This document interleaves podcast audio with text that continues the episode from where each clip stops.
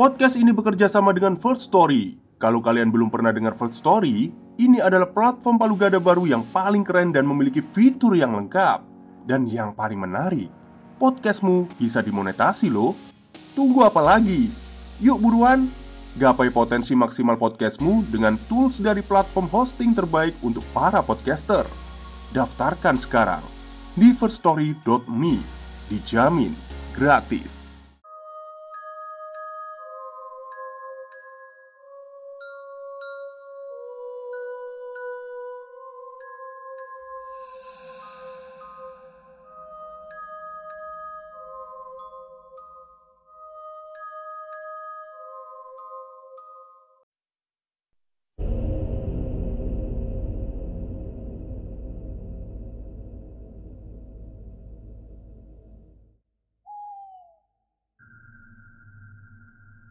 Assalamualaikum warahmatullahi wabarakatuh. Halo semuanya Jumpa lagi dengan saya Chow Sing Sing Kurator dari podcast Horror Night Story.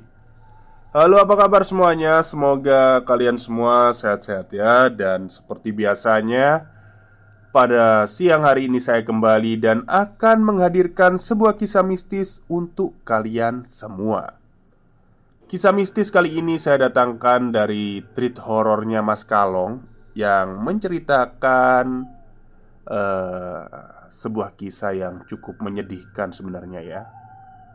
Jadi dalam kisah ini Ada sebuah keluarga yang ternyata bapaknya ini memuja Mickey Mouse.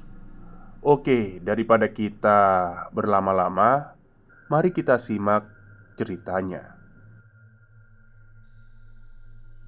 Gak tahu kenapa tiba-tiba warungnya bapakku jadi laris manis. Yang awalnya sepi Bahkan bisa dihitung jari setiap hari mungkin 5 atau 10 orang yang beli. Itu pun dalam waktu yang lama. Buka jam 9 pagi sampai 10 malam. Yang beli ya segitu aja tapi tiba-tiba Gak ada angin, gak ada hujan. Baru aja dibuka warungnya. Pengunjung udah membeludak ramai pada ngantri. Pikirku Mungkin ini rezekinya warung bapak Yang sudah dijalani sekitar lima tahunan. Baru bisa seramai ini. Bahkan Jam 12 siang sudah habis terjual itu berlangsung cukup lama. Sekitar enam bulan sampai bapak memutuskan untuk menambah karyawan. Aku sama ibu sih oke-oke aja. Lumayan juga sebenarnya. Karena aku sama ibu jadi nggak begitu capek membantu. Hingga hari itu pun tiba di mana aku sendiri menyaksikan hal mengerikan dan jijik yang dilakukan oleh bapakku. Ini gila, lebih gila dari orang gila. Bapakku memelihara curut yang gede itu buat pesugihan. Kurang lebih begitu kalimatnya. Jadi malam itu aku nggak bisa tidur karena mendengar ada suara berisik. Berisiknya itu semacam besi yang dibenturin di lantai. Aku keluar kamar buat nyari sumber suara itu. Setelah aku telusuri, ternyata bersumber dari dapur. Pas aku masuk dapur, suara berisik itu masih ada. Aku cari ternyata ada di pojokan. FYI, di sana ada kandang kucing.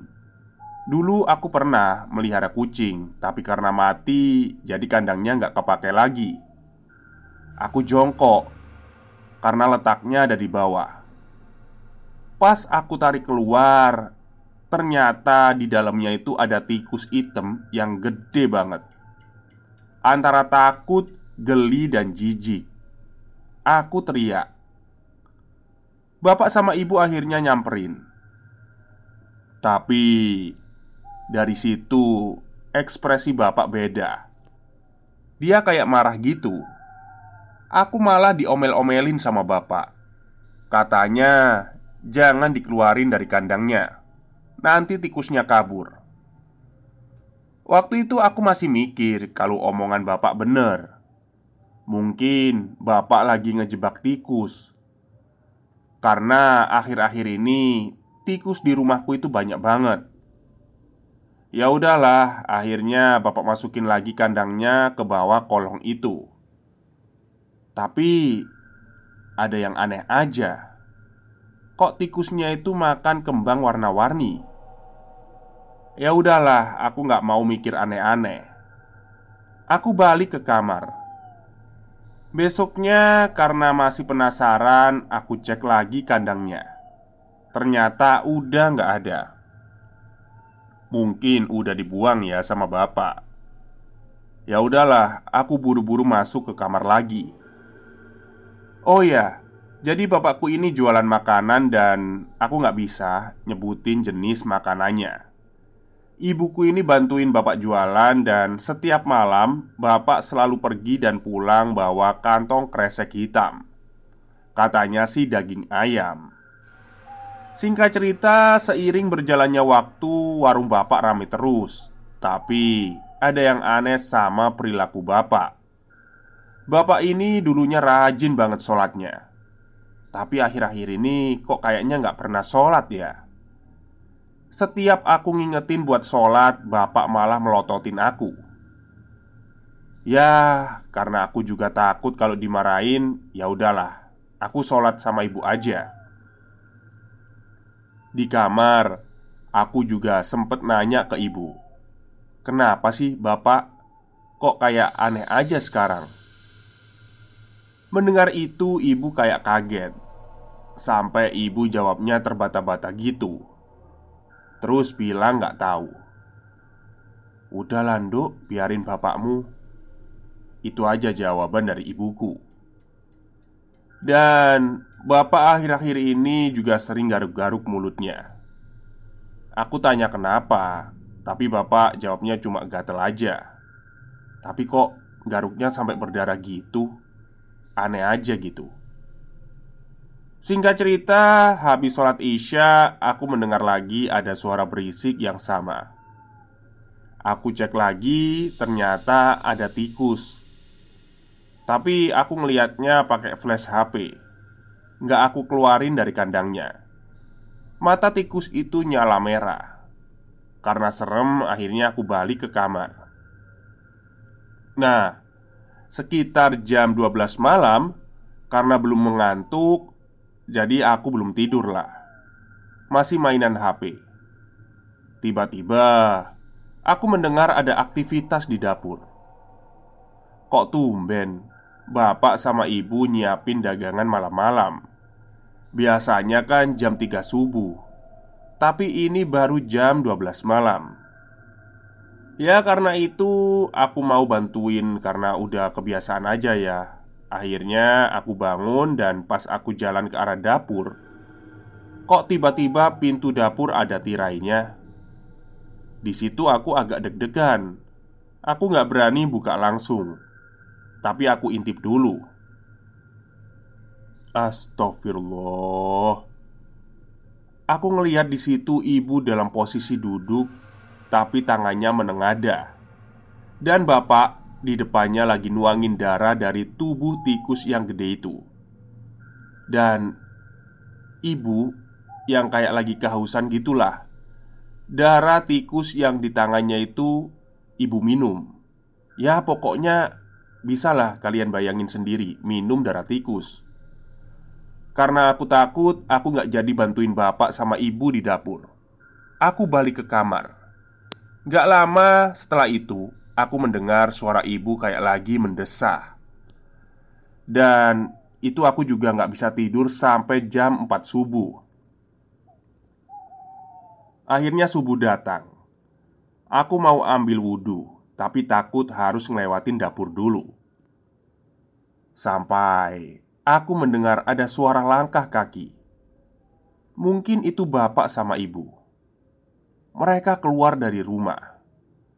Karena penasaran, aku ngikutin mereka diam-diam dari belakang. Mereka mengarah ke warung tetangga. Kebetulan warung itu sama jualannya.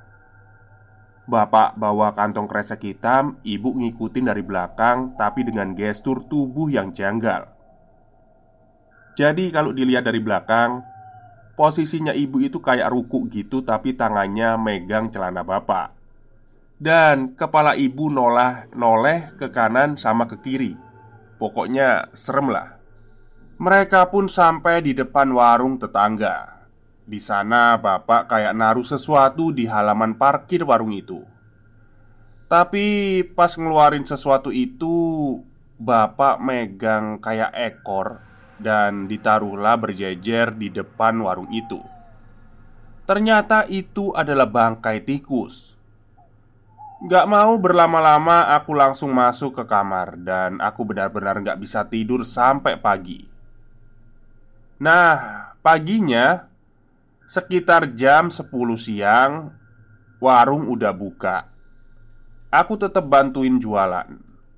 Siang itu juga nggak seperti biasanya Yang biasanya jam 1 siang sudah habis Dagangan bapak direfill lagi Dan itu banyak banget Kalau aku perkirakan bisa sampai malam habisnya Posisi aku bantuin itu, aku juga diam-diam ngelirik ke warung depan.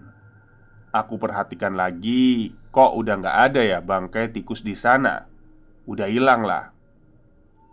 Tapi warung tetanggaku benar-benar sepi, sepi banget. Dan ada yang aneh.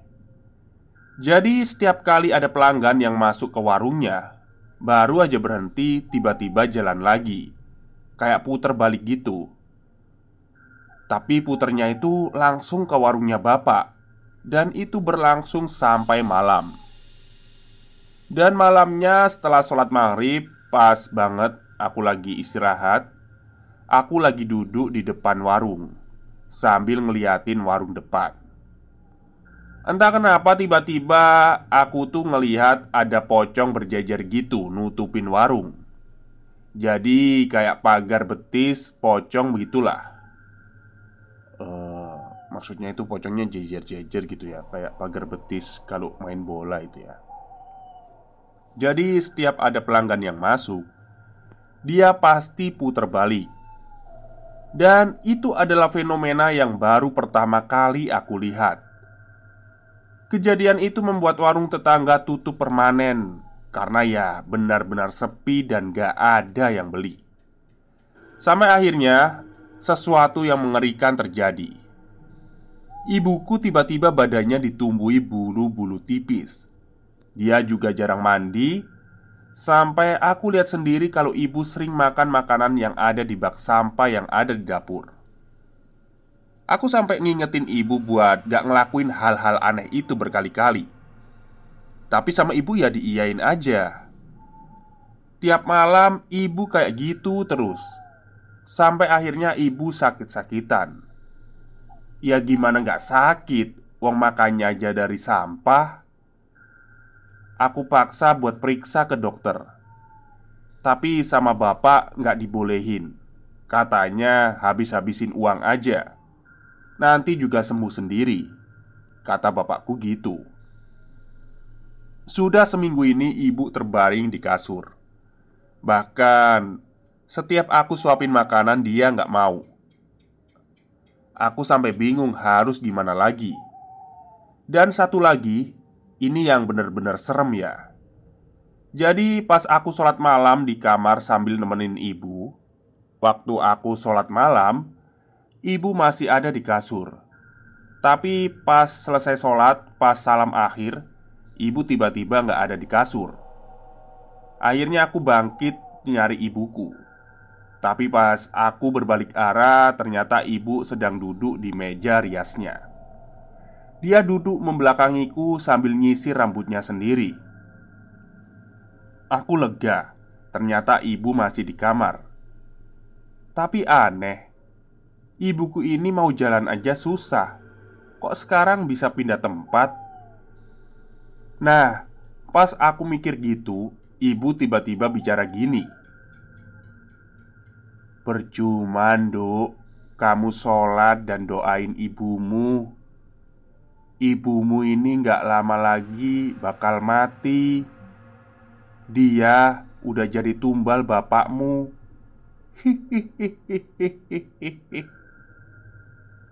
Suaranya ibu ini berubah pas ketawa. Kayak suara nenek-nenek. Aku takut juga pas ibu bilang gitu. Tapi aku paksa buat berani. Bu, istighfar bu, istighfar Ibu malah ketawa lagi. Dan selesai ketawa Ibu jatuh ke lantai sambil kejang-kejang. Mulutnya ngeluarin kayak cairan gitu Tapi bau banget. Sumpah kayak bangkai. Karena aku takut Akhirnya aku teriak manggil bapak. Gak lama bapak masuk ke kamar. Dia gendong ibu naik ke atas kasur tapi sebelum bapak keluar kamar Bapak nyeletuk sama aku. Kamu siapin kain mori di lemari itu, ndok Bungkus ibumu dengan kain kafan itu. Besok ibumu bakal mati. Dek Apa-apaan itu? Maksudnya apa bapak bilang kayak gitu?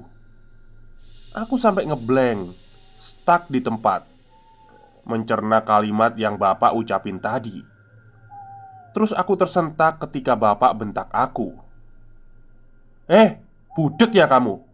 Cepetan! Buruan dilakukan!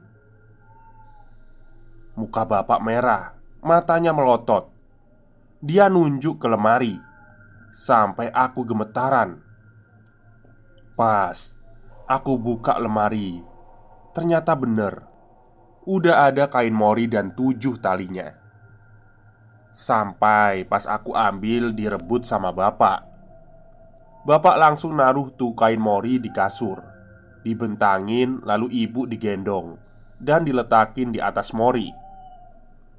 Heh, cepetan, pocong ibumu Kata bapakku lagi. Posisi itu aku benar-benar takut dan nangis. Aku gak mau Tapi bapak malah memukulku sampai aku jatuh Gimana sih jelasinnya? Orang ketakutan dimarah-marahin. Mau berdiri aja gemeteran. Bapak langsung memaksa aku buat berdiri. Aku didorong ke arah kasur. Aku jatuh tepat di muka ibuku. Kita saling berhadapan. Wajah ibu kayak lagi nahan nangis. Bapak ngebentak aku lagi. Nyuruh cepetan Ayo cepet. Kamu ini gimana sih? Lalu tiba-tiba bapak memukulku lagi dari belakang. Aduh sakit pak. Karena nggak sabar Bapak sendiri yang melakukan. Posisi itu ibu sudah dibalut kain mori Tapi tujuh talinya belum ditali. Bapak lalu menyuruhku lagi buat nali Sambil nangis dan tangan gemeteran Aku mengikat tali itu satu persatu dari ujung kepala sampai ke kaki. Rasanya nggak kuat. Aku nggak sanggup melihat ibuku seperti ini. Pas udah selesai, bapak lalu membuka kain yang ada di wajah ibu. Terus, aku mendengar Bapak bilang begini Matur nuwun ya bune Katanya sambil nyium kening ibuku. Aku masih nangis terisak di posisi itu Dan aku masih pakai mukena. Bapak terus bilang Tungguin ibumu sampai besok. Aku gak sanggup pak. Aku gak mau. Tapi bapak kayak bodoh amat sama aku. Dia keluar dan pintu kamar dikunci dari luar di dalam kamar aku terus berdoa Bahkan aku sampai baca Al-Quran. Tapi Ibu terus-terusan meracau. Dia terus-terusan bilang Berhenti Berhenti Panas tahu. Bahkan ibu juga terus-terusan ketawa. Aku nggak tahu lagi harus gimana. Aku juga takut buat ngelepasin kainnya Aku cuma duduk di pojokan sambil nutupin muka. Gak berani ngelihat ke arah ibu. Aku berharap ada yang nolongin aku. Sampai entah jam berapa Tapi waktu itu masih malam. Aku tiba-tiba ngelihat ada bayangan hitam yang berdiri di atas tubuh ibuku. Tapi aku nggak bisa menggambarkan sosoknya seperti apa. Ada dua bayangan. Mereka mencabik-cabik tubuh ibuku. Sampai ibuku teriak-teriak kesakitan. Aku mau nolong tapi takut. Aku cuma bisa menangis. Jadi, aku tuh kayak lagi lihat dua hewan buas yang lagi ngecabik-cabik bangsanya. Tapi nyatanya tubuh ibu nggak kenapa-kenapa. Ketika dua sosok itu masih mencabik-cabik, aku berlari ke arah pintu. Aku gedor-gedor sambil teriak manggil bapak. Pak, tolongin ibu, Pak. Tapi ternyata sama saja. Bapak nggak datang. Sampai ibuku berhenti teriak. Aku noleh ke ibu. Dua sosok bayangan itu sudah hilang. Buru-buru aku berlari ke tempat tidur. Ketika aku lihat, ternyata ibu sudah ngeluarin darah dari mulut dan hidungnya. Matanya melotot ke atas dan pas aku cek detak jantungnya Ternyata sudah lemah Bu, bangun bu Bangun bu Aku panggil nama ibu berulang kali Tapi tetap saja ibu nggak bangun. Ya Allah Salah ibu apa? Kenapa bapak ngelakuin ini sama ibu? Yang ada aku cuma bisa nangis. Aku gak bisa berbuat apa-apa. Sampai tiba-tiba bapak masuk ke kamar. Bapak berdiri sambil metenteng Bapak ngapain ibu? Kenapa ibu begini pak? Tapi bapak nge gak ngejawab Dia malah ngibasin tangannya Lalu membawa tubuh ibu yang masih terpocong itu keluar kamar Aku pun mengikuti bapak. Sesampainya di dapur, astagfirullah, ada banyak banget tikus curut di lantai. Ada satu tikus yang besar. Tikus besar itu dikelilingi banyak tikus kecil-kecil. Aku sampai geli ngelihatnya. Dan selanjutnya yang terjadi. Ini benar-benar di luar akal sehat. Bapakku gila. Bapakku nggak punya otak. Bapakku iblis. Aku benar-benar melihatnya dengan jelas.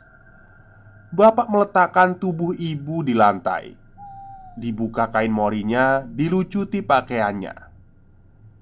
Ibu telanjang. Di situ ibu yang awalnya cuma melotot sambil mulutnya menganga. Kini ibu bersuara.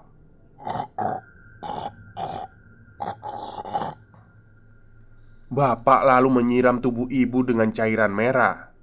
Dan selanjutnya Astagfirullah Tikus-tikus itu Mengeroyok tubuh ibuku.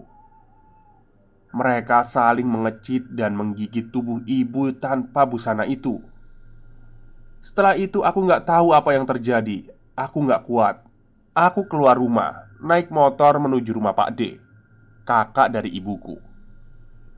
Sesampainya di rumah Pak D, kebetulan di sana ada Bude juga. Aku ceritakan semuanya. Awalnya mereka nggak percaya, tapi setelah aku meyakinkan lagi, Pak D minta aku untuk ikut pulang. Katanya mau memastikan. Pak D jangan sendirian, ngajak banyak orang aja. Karena bapak kayaknya udah gila. Bapak itu sudah bukan bapakku lagi. Saya takut nanti Pak D jadi sasarannya Bapak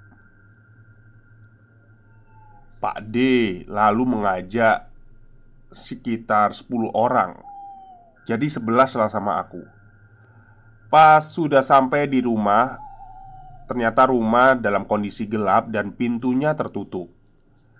Awalnya Pak D masih agak tenang gitu. Dia ngetuk pintu sambil manggil nama bapak. Tapi lama-kelamaan Pak D emosi dan mendobrak pintu. Nah, pas pintu kebuka, banyak banget curut kecil-kecil itu keluar. Sampai kita semua kaget dan menghindar. Setelah dirasa sudah nggak ada tikus Aku sama Pak D masuk diikuti sama warga. Mereka nyalain senter HP masing-masing. Terus aku bilang ke Pak D Kalau mereka ada di dapur. Pas sampai di dapur Aku nangis sejadi-jadinya. Ibu sudah nggak bisa dikenali lagi. Aku sampai teriak histeris. Bahkan Pak D Sampai duduk bersimpu ngelihat jasad adiknya itu. Sudah terbujur terkoyak tak bernyawa. Di situ aku sama Pak D disuruh keluar sama warga. Lalu ada salah satu orang tua namanya Pak Maji Beliau ini bisa dibilang orang pintar. Pak Maji nenangin aku sama Pak D. Katanya Pak Maji tahu kenapa bapak sampai ngelakuin hal itu. Katanya Bapakku ini terobsesi mau kaya dengan instan. Dan bapakku nggak ada yang mendampingi. Istilahnya dia jalan sendiri. Lah, terus bapak di mana? Bapak udah pergi entah ke mana. Jadi pas kita masuk ke rumah Ya cuma ada jasadnya ibu saja. Itu pun aku nggak tahu gimana lagi ceritanya. Aku cuma bisa pasrah. Malam itu juga Pak Maji minta semua warga yang ada di situ untuk segera memakamkan ibuku. Pas aku ngelihat jasad ibu dimandiin, darahnya nggak hilang-hilang, ngucur terus. Sampai mas-mas dan bapak-bapak yang mandiin itu takut. Lalu Pak Maji minta diambilkan tanah sebaskom Selanjutnya ditaburkan tanah itu ke atas tubuh ibuku. Tahu nggak reaksinya seperti apa? Tiba-tiba ibuku bangkit. Dia duduk sambil melotot. Dan Bruk! Pak Maji lalu menyuruh orang-orang tadi Mandiin ibu lagi Setelah itu darahnya nggak ngucur lagi Singkatnya, setelah prosesi selesai, ibu langsung dimakamkan, dan di pemakaman ini ada saja hal yang mengerikan. Jadi, pas jasad ibu diturunkan, tiba-tiba pocong ibu ini bangkit dan duduk. Hal itu membuat geger warga. Pak Maji akhirnya turun tangan, dan dia masuk ke liang lahat. Entah mengucapkan doa apa ya, tiba-tiba tenang lagi. Setelah semua itu, Pak Maji meminta kepada semua warga yang melihat kejadian ini untuk disimpan sendiri. Jangan sampai kabar ini keluar kampung.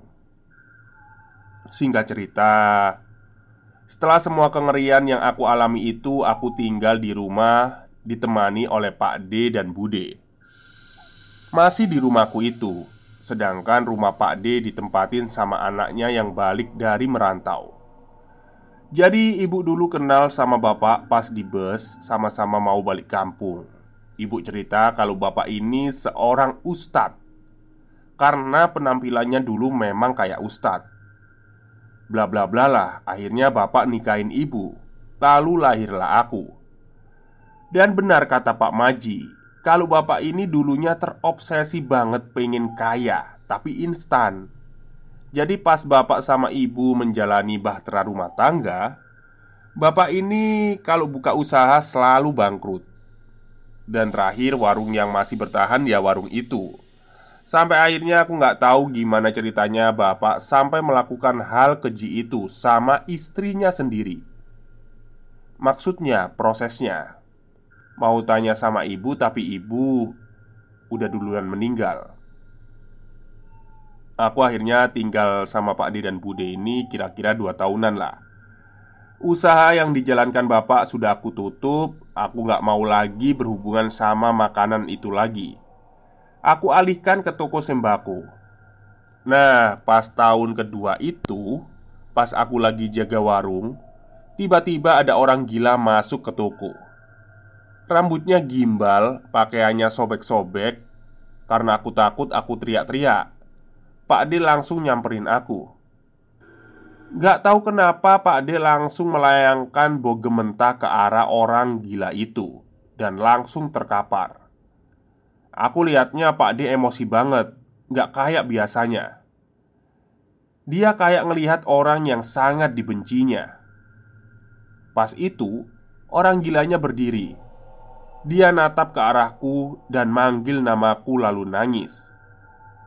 Bapak itu terus bilang begini sambil nangis. Aziza Aziza. Aku kaget Karena orang yang memanggilku dengan sebutan itu cuma ibu sama bapak. Duk Bapak minta maaf ya Duk. Bapak minta maaf sama kamu. Eh Prapto iku wis mati. Prapto iku wis mati. Sopo kue? Kata Pak D sambil nendang perut bapak-bapak itu sambil sampai terjatuh lagi Karena ada keributan Bude keluar dan megang tubuhnya Pak D. Sampai akhirnya warga berdatangan dan terkejut melihat bapakku datang. Nah, serentak mereka bilang gini Weh, iku Prapto, Prapto Kata mereka sambil nunjuk-nunjuk. Aku juga nggak bisa ngapa-ngapain. Ada mungkin kalau 15 orang ngeroyok bapakku Pas dikeroyok itu bapak menatapku dengan sayu banget. Sebenarnya aku kasihan sama bapak. Tapi mau gimana lagi aku nggak bisa ngapa-ngapain. Malamnya bapak diikat di pohon Tubuhnya sudah bonyok. Banyak warga yang mengerumuninya Dan ada Pak Maji juga di sana. Terus Pak Maji bilang ke aku Duk Bapakmu ini mau diapakan? Semoga Jawabanku ini bukanlah jawaban yang salah. Walaupun bapakku tega membunuh ibu Dia tetap bapakku. Cuma tinggal bapak Satu-satunya orang tua yang masih hidup. Aku memaafkan bapak atas semua yang telah dilakukannya. Pak Maji, saya mau merawat bapak saya. Mbak Aziza, nama samaran. Dia begitu sabar dan telaten mengurus bapaknya yang semakin lama semakin kurus. Hingga satu tahun berjalan, di sela nafasnya yang tersengal, Pak Prapto bicara pada Mbak Aziza. Duk Sahadat duk Syahadat Bapak bilang gitu sambil tersengal Aziza yang paham akan permintaan bapaknya kemudian melantunkan dua kalimat syahadat Dan diikuti oleh Pak Prapto, bapaknya, sebelum meninggal Jadi, begitulah ceritanya Ucap Mbak Aziza sekaligus menutup obrolan sore itu. Selesai. Oke, itulah cerita panjang dari pesugihan curut ya.